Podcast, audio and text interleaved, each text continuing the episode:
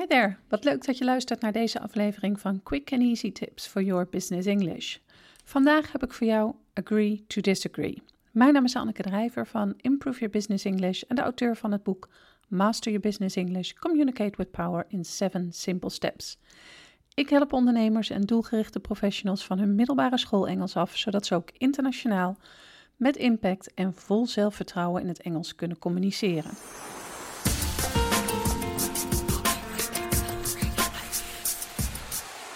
Een aantal podcasts geleden heb ik uitgebreid informatie gegeven over het geven van een succesvolle vergadering. Vandaag ga ik nog gedetailleerder in op een van de onderwerpen die bij deze podcast aan bod zijn gekomen, namelijk disagreeing.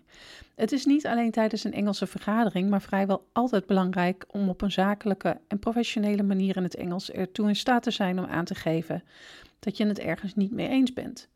Disagreeing kan lastig zijn omdat je niet respectloos met de tegenpartij wil omgaan of bot wil overkomen.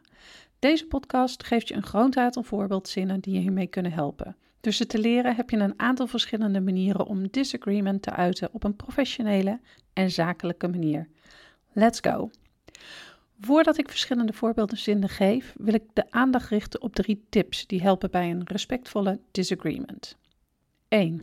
Het is belangrijk om, voordat je zegt dat je het ergens niet mee eens bent in het Engels, te laten merken dat je het argument van de tegenpartij begrijpt. 2. In het Engels is het gebruikelijk om een verontschuldiging te maken voordat je zegt waar je het niet mee eens bent. In het Nederlands is dit minder gebruikelijk en daarom is het belangrijk om je hier bewust van te zijn. Een verontschuldiging is namelijk erg respectvol in deze situatie in het Engels, dus met name bij een formele conversatie wil je dit niet vergeten. 3. Ook wanneer je het ergens totaal niet mee eens bent, kan je in formele situaties het beste een neutrale positie aannemen door bijvoorbeeld te zeggen dat je niet zeker bent van het argument. Deze neutrale houding draagt bij aan een respectvolle houding tegenover je tegenpartij. Wanneer je Engels gesprek iets minder formeel is, kan je wel op een duidelijkere manier uiten dat je het ergens niet mee eens bent. Als eerste ga ik een aantal voorbeeldzinnen behandelen die complete disagreement uiten op een respectvolle manier. Wanneer je straks naar deze voorbeeldzinnen zult luisteren, zal je merken dat veel van deze zinnen beginnen met een inleidende zin.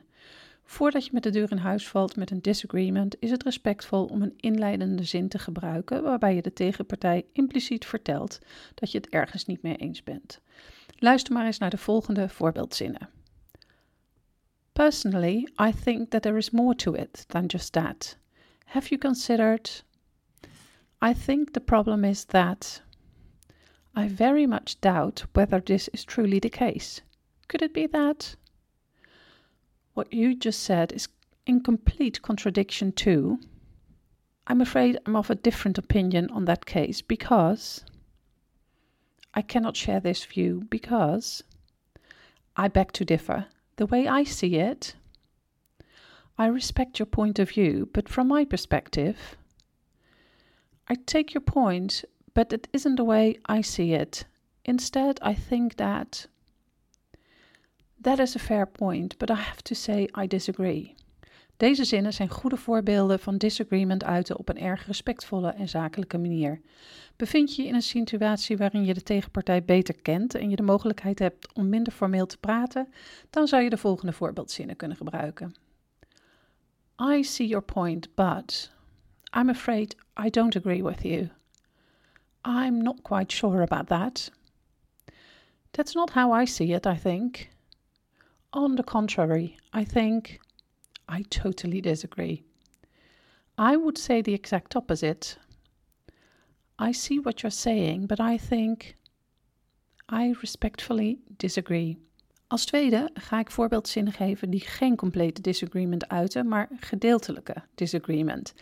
Deze zinnen gebruik je dus om aan te geven dat je het eens bent met een deel van wat de tegenpartij je zojuist gezegd of verteld heeft, maar niet met alles. Zoals net besproken kan je deze zinnen ook gebruiken in erg formele situaties waarin je het ergens compleet niet mee eens bent. Aangeven dat je het ergens gedeeltelijk niet mee eens bent in plaats van dat je het ergens compleet niet mee eens bent, draagt namelijk bij aan een respectvolle houding. De volgende voorbeeldzinnen zijn geschikt voor formele situaties. I'm afraid it is only partly true that. I can agree with that, only with reservations. Have you considered? Under certain circumstances, yes. However, to some extent, I agree with you. However, I agree up to a point, but I'm not quite sure about this. That is not necessarily so. Have you thought about? I quite understand where you're coming from, but there's some truth in what you're saying, but I don't think that you have considered. Wanneer je je in een situatie bevindt waarin het mogelijk is om een minder formele manier met je tegenpartij in gesprek te gaan, kun je de volgende voorbeeldzinnen ook gebruiken om gedeeltelijke disagreement aan te geven. I see your point, but I'm not sure about that. That seems obvious, but it's not as simple as it seems. It's only partly true that. Als je een van de voorbeeldzinnen gebruikt bij het uiten van disagreement, hoef je niet bang te zijn dat je respectloos of onprofessioneel overkomt. Natuurlijk kan je naast deze voorbeeldzinnen zelf ook een constructie bedenken waarbij je je comfortabel voelt. Houd hierbij in de gaten dat het om respectvol over te komen met name belangrijk is om een redenering te geven voor je disagreement.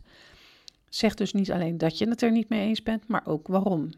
Hierdoor geef je de tegenpartij de kans om de verschillende argumenten nogmaals te overdenken, om zo misschien tot een herziening van hun mening te komen. Naast een redenering is het belangrijk om bijvoorbeeld een alternatief of suggestie voor te stellen. Een probleemoplossende houding draagt namelijk ook bij aan een respectvolle houding. Dit kan bijvoorbeeld met de volgende voorbeeldzinnen. Perhaps we should. Perhaps we could do. Instead. My suggestion would be an alternative solution might be I would recommend that we re-evaluate this situation. If you ask me, I think we should. Lukt het niet om uit een meningsverschil te komen? De Engelse taal heeft hier een mooie uitdrukking voor, namelijk agree to disagree. Hiermee beëindig je oneenigheid op een respectvolle en vriendelijke manier. Je zou bijvoorbeeld kunnen zeggen: Well, let's just agree to disagree, shall we? Als je deze aflevering hebt geluisterd, zou ik het enorm op prijs stellen als je een review voor ons zou willen schrijven op SoundCloud of iTunes. Dit helpt anderen weer om onze podcast te kunnen vinden en daarmee hun Engels te verbeteren. Ben je op zoek naar meer manieren om jouw zakelijk Engels te verbeteren? Bezoek dan onze website www.improveyourbusinessenglish.nl. See you next time met quick and easy tips for your business English.